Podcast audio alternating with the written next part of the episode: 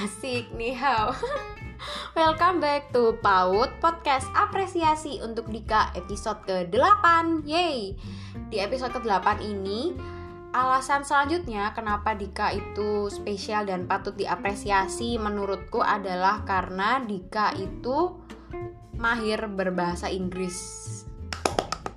Applause entah itu dari lisan atau dari tulisan kayaknya kamu emang top banget gak sih di pede gitu loh kamu mengutarakan atau menuliskan kata-kata dalam bahasa Inggris. Dan menurutku itu juga bisa dipahami gitu loh nggak yang kayak berat banget bahasanya atau ngacau gitu jadi kayak pas gitu. Dan kamu OTW mahir berbahasa Mandarin semangat ya Lausher. Nih uh, calon Lausher. Dan semoga nanti di semester-semester depan kalau emang ada bahasa Mandarin lagi nilainya terangkat tinggi melambung tinggi. Jadi nggak di atas KKM dikit. Just kidding. Terus kamu juga pasti bisa bahasa Korea. Belajar bahasa banyak lagi deh biar bisa keliling dunia. Yeay.